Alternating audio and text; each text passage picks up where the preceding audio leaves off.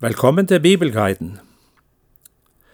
Vi leser de profetiske budskap i Det gamle testamentet, og vi møter mange tekster med domsutsagn og hører om ødeleggelse, krig og naturkatastrofer som straff over ugudelighet, urettferdighet og synd i folket, både i Israel og i landene omkring og i de store verdensriker. Leser vi den vanlige historien fra oldtiden, vil vi finne tilsvarende beretninger om grufulle kriger, om vold og folkemord og ødeleggelser. Slik speiler profetiene datidens verdenssamfunn og situasjonen i profetens samtid. Ondskapen og mørket beskrives med de forestillinger og bilder som den gang rådde.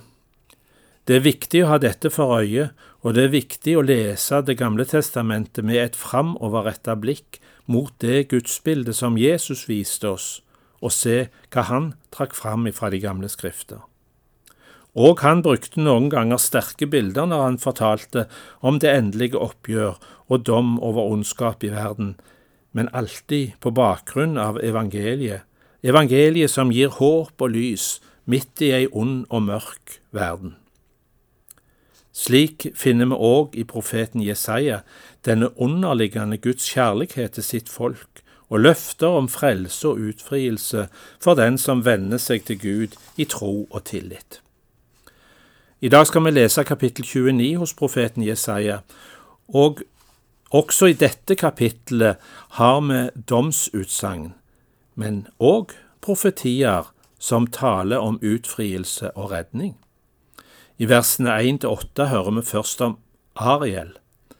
Ariel det er et eget navn på Jerusalem, og Jerusalem skal bli hærtatt, men så bli redda ved Guds inngripen. Det er en hendelse som kan tidfestes til år 701 før Kristus, da asyrerkongen Sankerib beleira byen med sin hær. Vi skal lese mer om det i kapittel 36 og 37. Men la oss ta med at òg denne profetien og disse hendelsene de peker lenger fram, til seinere beleiringer og ødeleggelser av Jerusalem, eksempel det som skjedde i år 70 etter Kristus, da romerne ødela byen.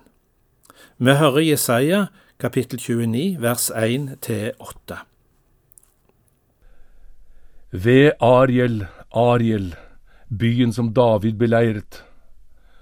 Legg år til år, la høytider komme og gå. Jeg gjør det trangt for Ariel, det skal bli sorg og sut. Da skal byen bli et Ariel for meg. Jeg skal beleire deg som David omringer deg med voller og reiser skanser imot deg.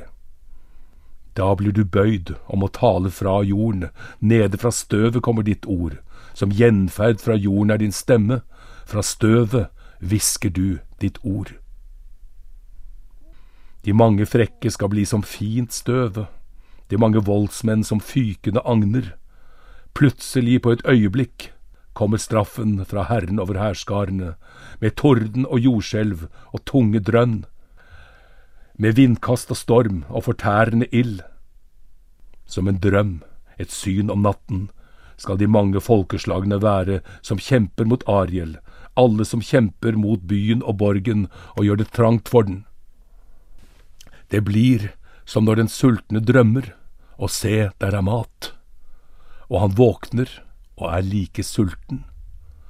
Som når den tørste drømmer, og se, der er drikke, og han våkner utslitt og tørst.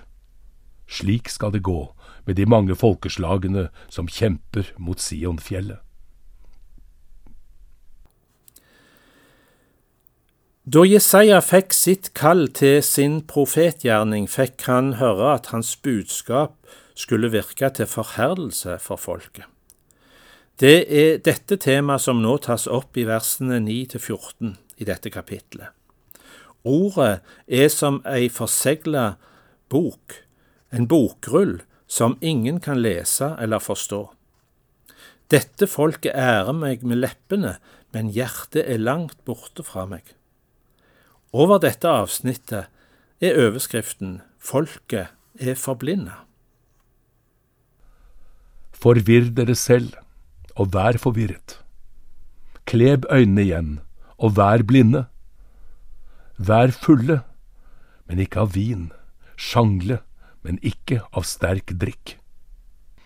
For Herren har øst over dere en ånd som gir dyp søvn. Han har lukket øynene deres, profetene, og dekke til hodene deres, seerne. For dere har hvert syn blitt som ord i en forseglet bok. Om en gir den til en som forstår Skrift og sier les dette, så svarer han jeg kan ikke, den er forseglet.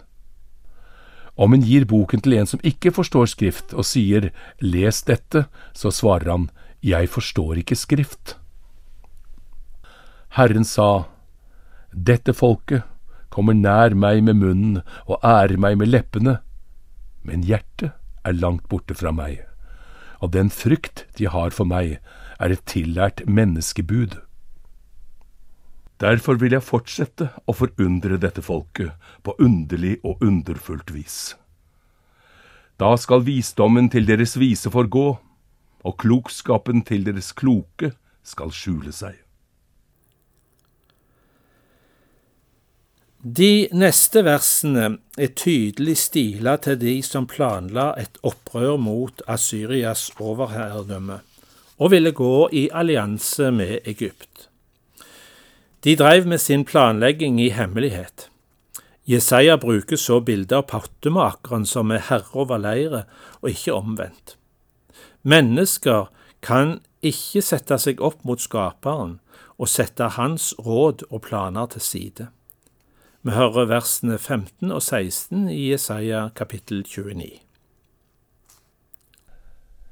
Ved dem som søker ned i dypet, bort fra Herren for å skjule sin plan. I mørket skjer gjerningene deres. De sier, Hvem ser oss? Hvem vet om oss? Dere snur det opp ned. Skal ikke pottemakeren settes høyere enn leiren? Skal verket si om håndverkeren, han har ikke laget meg, og karet om pottemakeren, han forstår ingenting. Resten av kapittel 29 handler om at det vil komme ei ny blomstringstid. Og like som Abraham ble utvalgt og utfridd av Gud, slik skal judafolket bli redde. De som har vært villeda, skal få den rette kunnskap og vandre på Guds vei.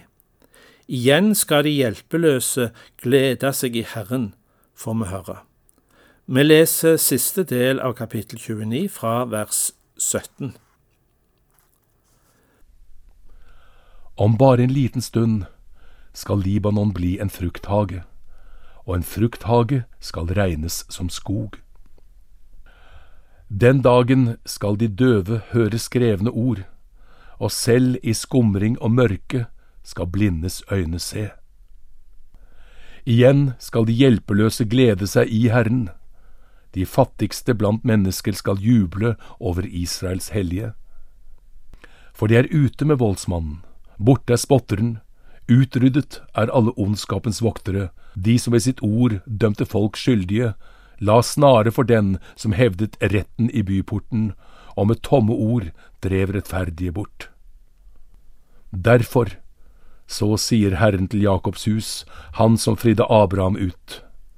Nå skal ikke Jakob bli til skamme. Nå skal ikke ansiktet hans blekne mer.